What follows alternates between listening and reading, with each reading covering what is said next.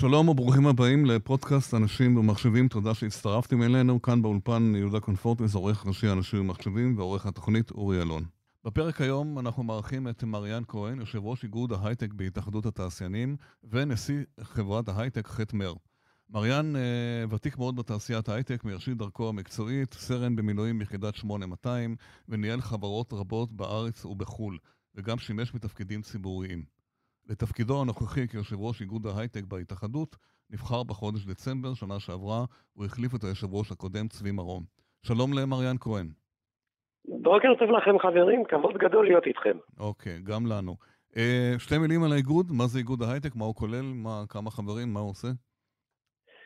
איגוד ההייטק הוא איגוד שמייצג אה, כשמו את החברות אה, שפעילות בארץ בתחום ההייטק. תחום ההייטק זאת הגדרה מאוד רחבה, אבל אה, אנחנו מדברים על תעשיות ההייטק המסורתיות, כאשר אנחנו מאגדים נכון לעכשיו כ-250 חברות.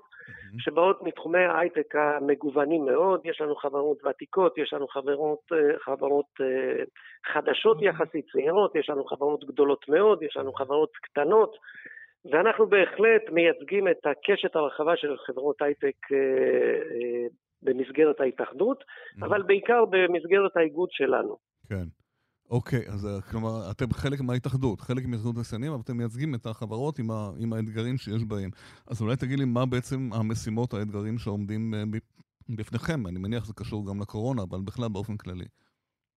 משימות רבות. אה, קודם כל, תעשיית ההייטק, שהיא נושאת בעיקר את התואר המאוד מחייב של הקטר של התעשייה. נכון. אה, וזאת תעשייה לא כל כך ותיקה, זאת, זאת אה, תעשייה שבעצם היא בסך הכל נגיד אה, בת 40, כאשר רוב החברות בתחום שלנו, בוודאי גם באיגוד, הן חברות שהן הרבה יותר צעירות, mm-hmm. ובמסגרת ההתאחדות אנחנו בעצם פועלים עבור האיגוד שלנו, עבור החברות שלנו, כדי לייצג את האינטרסים המיוחדים של התעשייה שלנו. שהם. ובאופן די מפתיע, באופן די מפתיע, למרות הגיוון הגדול מאוד של החברות, בסופו של דבר אה, אנחנו מגלים שתחומי העניין או הדאגה של התעשיות שלנו הוא אה, פריטטי במסגרת אותם 80-20 אחוז. Mm-hmm. הדבר, אני יכול להגיד לכם שאנחנו יושבים וחושבים ובונים תוכנית ופועלים וכולי, אבל הדבר שהוא מעל, הוא מעבר, ולפני התוכנית, זה הנושא של הדולר. אוקיי. הדולר הוא דאגה שהוא דאגה קיומית, אבל אני מניח שאנחנו נדבר על זה בהמשך. כן, כן. בוא, בוא, אתה יודע, בוא, נמצא, בוא נמקד את השאלה. אה, חייבים לדבר על השנה האחרונה, שהיא שנה מאתגרת אה, לכולם בכלל. אה, יש איזו תחושה בציבור, וגם חלקה מבוססת הנתונים, שענף ההייטק הוא הכי פחות נפגע מכל המשבר הכלכלי הזה, בסך הכל מצבו טוב. וכשאתה הולך למקבלי החלטות, והם אומרים לך, בסדר, אבל יש דברים יותר קשים. אבל אנחנו יודעים שיש הרבה מאוד דברים שההייטק, אה, חוץ משאר הדולר, מה עם האתגרים? מה, מה, מה עבר על ענף ההייטק בשנה האחרונה ומה צפוי בעתיד? אז ישנם מספר דברים. ישנם מספר דברים שמטרידים אותנו בכלל כתעשייה בארץ, וישנם כן. מספר דברים שמטרידים אותנו באופן ייחודי. אם אנחנו ניקח בחשבון, ואני מתנצל שאנחנו חוזרים לנושא של שער הדולר, אבל הוא יחזור, אני מניח, יותר. כן, כן. תעשיית ההייטק היא תעשייה שבאופן בסיסי אה, היא תעשיית ייצוא. אנחנו באופן מובנה. חלק ניכר מן, מן התוצרים שלנו נמכר בחו"ל, אה, זה גם אני בחברה שלנו וגם שאר החברים אצלנו באיגוד, כן. הם יצואנים, בין אם כאלה שמייצאים ב-100% מהתוצר שלהם, אה, או בין כאלה שמייצאים רק 80% מן התוצר, והנושא של שער הדולר הוא אה, עיסוק קיומי מבחינתנו. Mm-hmm. העניין הוא מאוד, הוא, הוא, אני לא חושב שצריך להסביר אותו, אבל אני אתמצת את זה כן. במשפט אחד. אם ניקח בחשבון שחברה תעשייתית, אנחנו מדברים על איגוד שהוא לא איגוד של סטארט-אפים בלבד, אלא איגוד של כן. תעשייה כן. ותעשייה כן. ממוסדת ש, שמעסיקה עשרות אלפי עובדים בארץ, אם אנחנו מדברים על אה, זה שבסופו של דבר, בסוף השנה אנחנו מרוויחים עשרה אחוז מן המחזור שלנו, שזה מאוד יפה ומכובד, אמ, תחשוב על חברה שהיא מייצאת. כן. שהיא בוחרת לצורך העניין, רק לצורך הפשטות של הדוגמה, מייצאת בדולר. כן. ושם הדולר ירד בעשרה אחוז. Mm-hmm. במחי יד נמחה כל, נמחה כל הרווח שהיה מתוכנן לאותה חברה. Mm-hmm. לא רוצה להגיד מה קורה אם זה 15 אחוז, או אם רק, אה, רחמנא ליצלן, זה רק 8 אחוז, אוקיי? וכמה הדולר נשחק? הדולר נשחק השנה בערך בעשרה, טוב עכשיו חל כן. איזשהו תיקון מאוד משמח, אז הוא נשחק בפחות מעשרה אחוז, כן. אבל אנחנו צריכים להסתכל לא על השחיקה שהייתה רק בשנה האחרונה, בשנת הקורונה, אנחנו צריכים כן. להסתכל לא, גם מה שקרה בעבר. Mm-hmm. אז אתה יודע, אני לא רוצה לדבר על ימים שהיו ימים שכשאנחנו מסתכלים עכשיו אחורה, אנחנו אומרים, וואו, היה 4.25 וכולי, איזה יופי. אבל גם אנחנו התאמנו את עצמנו, אוקיי? כן. התאמנו את עצמנו, כן. ו- וגם אנחנו אה, דאגנו שחלק מההוצאות שלנו יהיו בדולר וכולי וכולי. אנחנו הגענו עכשיו, כשהרעש שאתם שומעים זה חריקת הסכין על העצם. עד אוקיי? כדי כך, עד כדי כך. עד, עד כדי כך. עכשיו שואלים אותי, תגיד, אה, אבל כמה חברות נסגרו אה, בהייטק בגלל הדולר? Mm-hmm. זאת שאלה שבכלל אין לה שום משמעות, משום שאני יכול להגיד לכם שזה... החברות לא נסגרו, נשארו אותן חברות. פשוט הן מעבירות את הפעילות שלהן למקום אחר, איפה שהדולר משפיע פחות. יש כבר אוקיי? חברות כאלה? יש כבר תופעות כאלה? בוודאי שיש. אני יכול להגיד לכם גם אצלנו, אצלנו בקבוצת מר, גם כן. אנחנו הוצאנו פעילות לחו"ל, mm. משום שאין ברירה, אנחנו לא מצליחים להתמודד עם הדולר הזה. כלומר, יש... התופעה הזאת תמיד קיימת, אבל עכשיו, במיוחד בזמן האחרון, יש הרבה חברות ישראליות שמעברות ייצור לחו"ל, בהייטק? בוודאי, mm-hmm. בוודאי, תשמע, אנחנו, אנחנו התעשיינים, כן. בסופו של דבר, אנחנו כולנו רוצים להיות פה. אנחנו פה מבחירה, אנחנו לא פה מאיזשהו כורח uh, קיומי. נכון. לא, אנחנו פה מתוך בחירה, אנחנו עובדים פה, אנחנו פועלים פה, המפעלים שלנו כאן. אבל בסופו של דבר, אחרי שאתה עושה את כל הלהטוטנות כדי לשרוד ולהתקיים, ואתה לא מצליח, אז אנחנו מוצאים פתרונות אחרים. אולי פחות טובים, אולי פחות נוחים, אולי פחות חלומיים, אבל אנחנו מוצאים פתרונות. אנחנו מוצאים מפעלים החוצה, ואני יכול להגיד לך דבר אחד. לאן למשל? לאיזה. מדינות? לאיזה מדינות? כל חברה וה... והנוחיות שלה, אוקיי? והסביבה שבה היא עובדת וכולי. אני יכול להגיד לכם שאנחנו במר הוצאנו מפעלי ייצור או פסי ייצור למקומות אחרים, בין אם זה בסין, בין אם זה בטורקיה, בין אם זה במקסיקו. ופסי הייצור האלה, אני יכול להגיד לכם בוודאות, once הוא יצא מכאן, הוא לא, הוא לא חוזר לכאן. לא חוזר לכאן. קבוצות פיתוח, קבוצות פיתוח, מתכנתים, אנשי נכון. תוכנה וכולי. כן. יש קבוצות כאלה בהרבה מדינות לא רחוקות מאיתנו. אני לא צריך להגיד את זה כי כולם מכירים את המדינות, mm-hmm. איפה שהעלויות של אנשי הפיתוח הרבה יותר נמוכות. כן. עכשיו, נכון הוא שהטאלנטים הם קשים, יותר קשה למצוא אותם. יש לנו בכל זאת טאלנטים פה שהם חריגים. ההון האנושי הישראלי, בוודאי, כן, כן. נכון, אבל אוקיי. זאת לא התעשייה. Mm-hmm. וכשאתה רואה את מרכזי הפיתוח של הג'יינטים העולמיים שבאים לפה, mm-hmm. והם שוכרים את הטאלנטים, ולא משנה בעצם אם אתה משלם לו שכר חודשי של 30 אלף שקל, או 50 אלף שקל, או 70 אלף שקל, אוקיי? Mm-hmm. כן. משום ששכרת את השמנת של השמנת. אוקיי. ואז את התוצרים שלהם, של הטאלנטים האלה, במקום לקיים תעשייה, ולא איזושהי קבוצה מאוד איכותית של מוחות mm-hmm. מבריקים, את התעשייה הזאת מקיימים במקומות אחרים. הבנתי. תגיד רגע, אז אה, באמת עשית מאבק ציבורי בתקופה האחרונה לגבי שער הדולר, והממשלה נתנה איזשהו מענה, זה עובד? זה עוזר? או שזה תקוע עדיין? תשמע, טוב. אני חייב לומר, כן. אתה יודע, אני נבחרתי לתפקיד לפני חודשיים. בדיוק, כן, נכנסת לתוך זה. כן. ונבחרתי והייתה לנו תוכנית עבודה, זאת רעיונות לתוכנית עבודה, כי אנחנו מקדשים לתוכנית עבודה וכולי. ואז תוך מספר ימים, שער הדולר הידרדר ל-3.11. כן, אני יכול להגיד לכם כן. שלתעשייה שבונה תקציב, 3.11 זה הרסני. זה, זה אי אפשר להתקיים. עכשיו כן. נכון שסטארט-אפים כאלה ואחרים וכולי יכולים אולי זה אפשר, או חברות שמוכרות מוצרים ייחודיים שהתחרות שלהם בעולם היא מעטה או, או בכלל לא, אז אתה אומר, תשמע, אפשר אולי להסתדר. הרי אומרים, טוב, תעלו את המחירים. מה אתם חושבים, שאם היינו יכולים להעלות את המחיר קודם, לא היינו מעלים את המחיר? כן. אנחנו מעלים אותו, לא מעלים אותו בגלל שער הדולר, אנחנו מעלים איפה שאנחנו חושבים שאפשר להעלות אותו. יש תחרות פשוט. אף אחד כן. לא יאשים אותנו כן. שאנחנו לא מנסים למכור במחיר הכי גבוה שאפשר, אוקיי? אוקיי. אבל, אבל... אה, אוקיי, ואז הגיע ל-3.11 והתחלנו כן. מלחמה שבאמת, אין לי מילה אחרת, כי זאת מלחמה וזאת נכון. מלחמת הישרדות, משום שב-3.11 התעשייה לא תתקיים. אוקיי, אין. הבנתי. ואני שמח לומר שהגענו לאיזושהי אוזן קשבת, אני לא רוצה עכשיו לחלק ציונים, זה ציונים טובים, אז זה קל לחלק, ו... כן. וחל, וחל תיקון, תשמעו, מ-3.11, אנחנו היום בסביבה של 3.29, 3.30, שזאת סביבה שממנה אנחנו יכולים להתחיל לעבוד. מה אוקיי? הממשלה עשתה? מה הפתרון שנתנו לכם? תראה, מי, ש, מי שעשה את הפתרון כרגע, מי שנעתר ונרתם זה בנק ישראל. Okay. אוקיי. בנק ישראל בעצם יצא בהכרזה, ובנק ישראל אמר, אנחנו, בנק ישראל השנה, אנחנו יוצאים בתוכנית רכש של דולרים, שהיא בסדר גודל של 30 מיליארד דולר, זה אומר סדר גודל של 2.5 מיליארד דולר אה, בחודש, וברגע שהודיעו, כדי שתבינו באיזה סביבה אנחנו חיים, יצאה הודעה של בנק ישראל, once יצאה ההודעה הזאת, תוך שעה, הדולר. שם הדולר עלה בשישה אחוז. זה כן. מדהים. כן. זאת אומרת, זה מראה לכם באיזו, אה, באיזו סביבה של אה, ספסרות מטבע אנחנו חיים. הבנתי. אבל אוקיי? תשמע, אבל בוא רגע, בוא רגע ניתן, יש צד אחר של העניין, אני לא, אני כמובן לא, לא מצדיק אותם, ואנחנו בתעשייה לא, אבל גם כאן כלכלנים וגם פרשנים בכירים וגם אנשים אומרים, רגע, למה המדינה צריכה להתערב? תעשיית ההייטק היא תעשייה רובה זה עסקים פרטיים, עסקים של חברות. למה המדינה צריכה להשקיע כסף, לקנות דולרים? כאילו, מה הסיבה בכלל ש, שבכלל צריך לתת לדברים האלה לנסות? הרי זה בסופו של דבר עולה כסף למדינה. מה, מה התשובה שלכם לדבר הזה?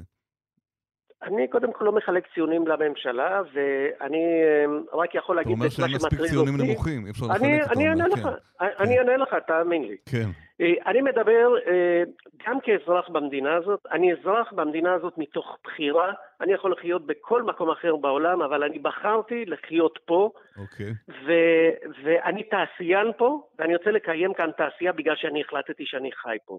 ולכן אני בא ואומר, ואני מנסה לשכנע את מי שאחראי אה, על קבלת החלטות במשק, איך אנחנו מקיימים את התעשייה הזאת. עכשיו, למה צריך בכלל לקיים את התעשייה? או, זאת שאלה. אז בשביל זה ההסברים הם פשוטים. נכון. קודם כל, אנחנו תעשייה שמעסיקה עשרות אלפי עובדים. נכון, עשרות אלפי עובדים. נכון. אנחנו מקיימים מעגל שני ושלישי של רשויות מקומיות ושל ספקים ושל קבלני משנה וכולי וכולי, ואנחנו באמת, אתה יודע, אוהבים לקרוא לנו אה, הקטר של התעשייה. זה נחמד, נכון. רק, אתה יודע, גם הקטר הזה. לא יודע לרוץ לבד. אתה יודע, נכון, צריך להאכיל אותו, צריך להזין אותו, צריך לכוון אותו וכולי. נכון, בסופו של דבר, כולנו מרוויחים מזה. נכון. גם, צריך להזכיר גם ש... אני להזכיר- מתנצל. כן. עכשיו צריך- תשמע, גם המדינה, אני בראייה שלי, המדינה זה עסק אה, פשוט אפילו. לא עסק משוכלל, עסק פשוט. מהמם, אני בעסק שלי, שגם הוא עסק פשוט. אני כדי למכור ולהרוויח כסף, אני צריך לשווק.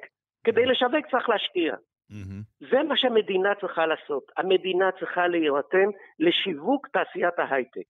כן. אז אה, זה נחמד להגיד, ההייטק הוא, הוא קטר, ההייטק הוא שועט קדימה, ולחשוב שהכל יעשה לבד, וכל השאר ייגררו אחרי הקטר הזה ששועט קדימה. וול, תשמעו, הקטר הזה לפעמים, גם הוא צריך אה, הכוונה, והוא צריך אה, דחיפה, והוא צריך אה, שימלאו אותו באנרגיה, אוקיי? זאת נכון. השקעה, ומדינת ישראל בעניין הזה צריכה להשקיע, היא צריכה חזון, היא צריכה לתת הכוונה. אני יכול כן. להגיד לך, בעניין הזה באמת, כן. אה, המדינה הזאת היה לה חזון במשך המון שנים. מהמם, לפני 40 שנה ו-50 שנה, כשהמדינה הייתה מדינה הרבה יותר מעניינת ממה שהיום. הקימו פה גופים מפוארים, הקימו פה את סיבת, הקימו פה את משאב, כן, גופים שבאמת לא היה להם כסף, אבל היה להם חזון, נכון. הייתה להם יעילות, הם הלכו וקידמו בכסף קטן. הייתה מדינה קטנה אבל עם חזון גדול. היום אנחנו מדינה הרבה יותר עשירה ועם חזון קטן מאוד. מהמם, ואני לא מחלק ציונים, אני פשוט קובע עובדה. כן. עכשיו, כן. נכון שאנחנו כולנו שרויים פה באיזשהו מבוי סתום פוליטי, משום שאני מסתכל מסביב, אין בעצם ממשלה אמיתית שמכוונת את מה שצריך לכוון. נכון, הרי נכון. זו הממשלה, הממשלה היא צריכה להיות המכווין הלאומי. אין כזאת. אין נכון. לנו שר כלכלה אמיתי כבר שנתיים וחצי. אין אוקיי. שר אוצר אמיתי שנתיים וחצי. אוקיי. עכשיו זה נכון, אנחנו, זה בסדר גמור, התעשיינים, תאמינו לי, יסתדרו. התעשיינים יסתדרו. בדיוק. אנחנו נדע. להסתדר. זה לא בשבילנו, אבל- זה לא בשבילנו, לא לכיס שלנו. כן, נכון, בדיוק. כן. אבל אני אומר לך שהתעשיין יסתדר, אבל זה לא ההסתדרות, ההסתדרות מלשון להסתדר, כן. שהמדינה רוצה, או שאתה ואני רוצים. אני נכון. אומר לך את זה מפורש. והתעשייה הזאת תקים מפעלים במקומות אחרים בעולם. אנחנו עשינו את זה, ואני אומר לך בוודאות, מפעל שיצא מכאן, הוא לא חוזר לפה יותר. זה בעיה, זה בעיה. אגב, צריך להזכיר דבר אחד חשוב מבחינת המדינה. אה, הייצור של ההייטק, לפחות ממה שדווח באחרונה, מהווה כמעט 25% מסך הכל הייצור של מדינת ישראל. כאשר כל הייצוא אני- היה אני- בירידה בכלל, ב- ב- אומנם גם ההייטק קצת ירד, אבל הוא עדיין מוביל את המשק. כלומר, זה, זה מקור ההכנסה העיקרי, או חלק מהגדרים המרכזיים שהמדינה מקבלת אחרי, היא לא, היא לא משקיעה סתם. אבל בוא, בוא רגע... אני, אני רוצה לתקן אותך, אני כן. חושב שזה 40 אחוז ולא 25 אחוז, אוקיי? יכול להיות. זה 40 אחוז, כן, ש, כן. שזה, שזה, שזה לא חדשות טובות, אלה חדשות רעות. למה כן. זה חדשות רעות? כן. משום שאומרים, תראו איזה יופי, הקטר של התעשייה, mm-hmm. הקטר של הכלכלה, הוא שואט, מה שאמרתי לכם קודם, mm-hmm. 40 אחוז מהיצוא שלנו, כן. הוא יסתדר לבד. נכון. אני אומר לכם, זה... חברים, כן. הוא לא מסתדר לבד. זה... וצריך, כמו שאמרתי קודם, צריך להזין אותו, צריך לכוון אותו, וזאת העבודה. עכשיו, אני רוצה לשאול אותך, בוא רגע כן. נתקדם, אה, בכלל, לגבי מבנה התעשיית ההייטק בישראל. הרי כמו שאמרת, המפעלים, הם, התדמית שלהם היא לא, לא בחזית ההייטק. כשאתה אומר למישהו הייטק, הוא מסתכל על הסטארט-אפים, על האקזיטים ועל הרכישות והמוזגים, מיזוגים שהיו לא מעט גם בשנה האחרונה. אה, ומצד שני, גם אם אתה מסתכל על תמהיל של החברות, החברות הבינלאומיות, החברות שעובדות כאן, התעשייה בעצם מבוססת על, על אה, מספר, איקס מספר חברות רב-לאומיות שפועלות כאן בישראל.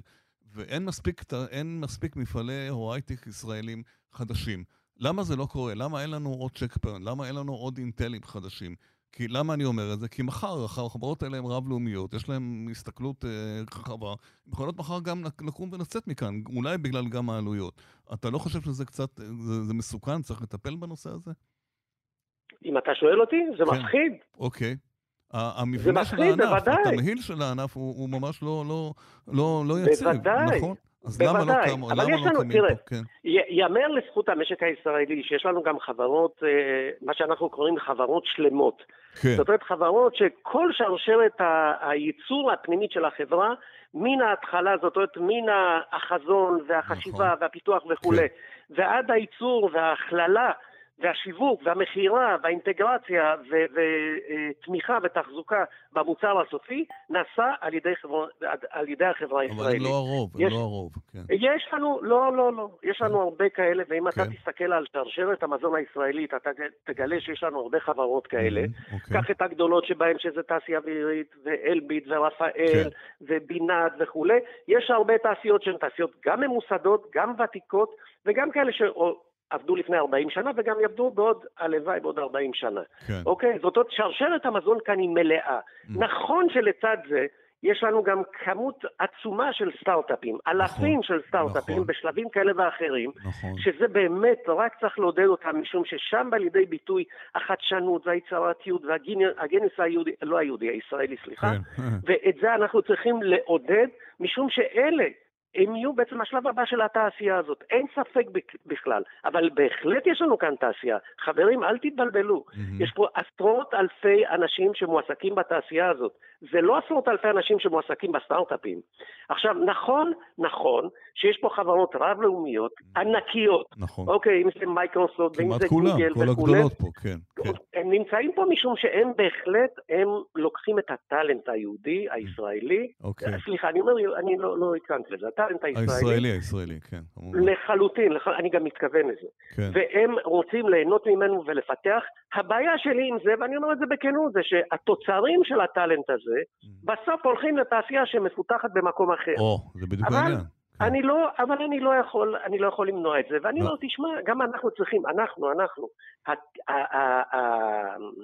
הקהילה התעשייתית הישראלית צריכים להפיק מזה רווח שישתייר כאן אצלנו, אוקיי? Mm-hmm. אנחנו צריכים לעשות את זה, אבל זאת הבעיה המשנית.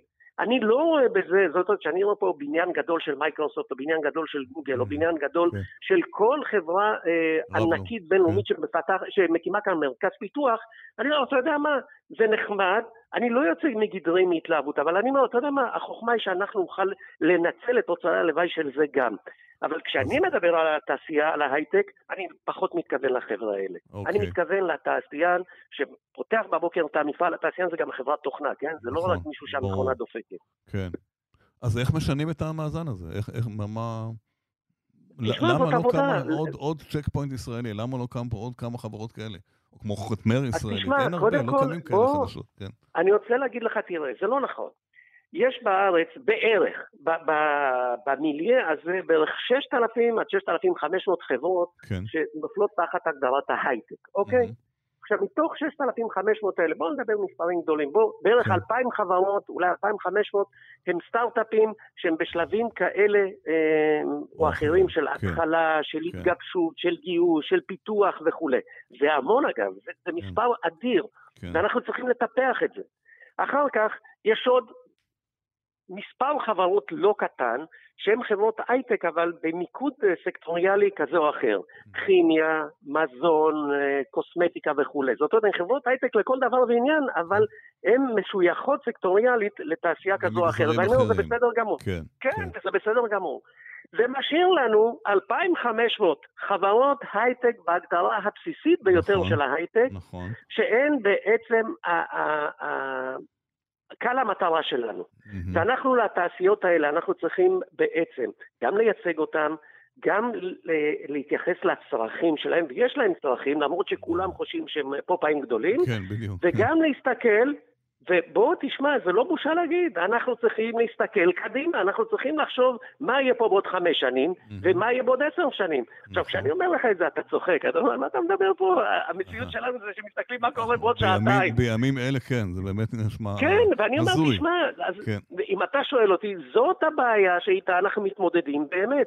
אוקיי. וכשאומרים לי עכשיו, יש בחירות וכולי, מה עומדים לבחירות? תשמע, לפני 20 שנה בבחירות היה, הדבר היחיד שהיה, מדברים בתקופת בחירות, היה הסכמי השלום עם זה והסכמי השלום נכון. עם אה, וכולי וכולי. היום הדבר הכי חשוב זה איך אנחנו לא תוקעים את הכלכלה שלנו. נכון. אז בוא רגע שאלה אחת... כי בסוף אנחנו, אנחנו. מבינים שגם לצורך השלום, הכלכלה זה האינגרידיאנט החשוב ביותר. תראו מה קורה עכשיו עם מדינות המפרץ. תראו מה, מה מסתכל, מה, אה, אה, כיווני ההסתכלות שלנו עם, עם השלום, ואני אומר, זה לא, לא מילה בזויה שלום, כן? בכלל. עם המדינות האחרות שמערבה מאיתנו, לשם אנחנו צריכים לכוון. תגיד, שאלה אחת אה, לסיום, שזה לא פוליטיקה, אבל בכל זאת, אנחנו לפני מה בחירות. סיום?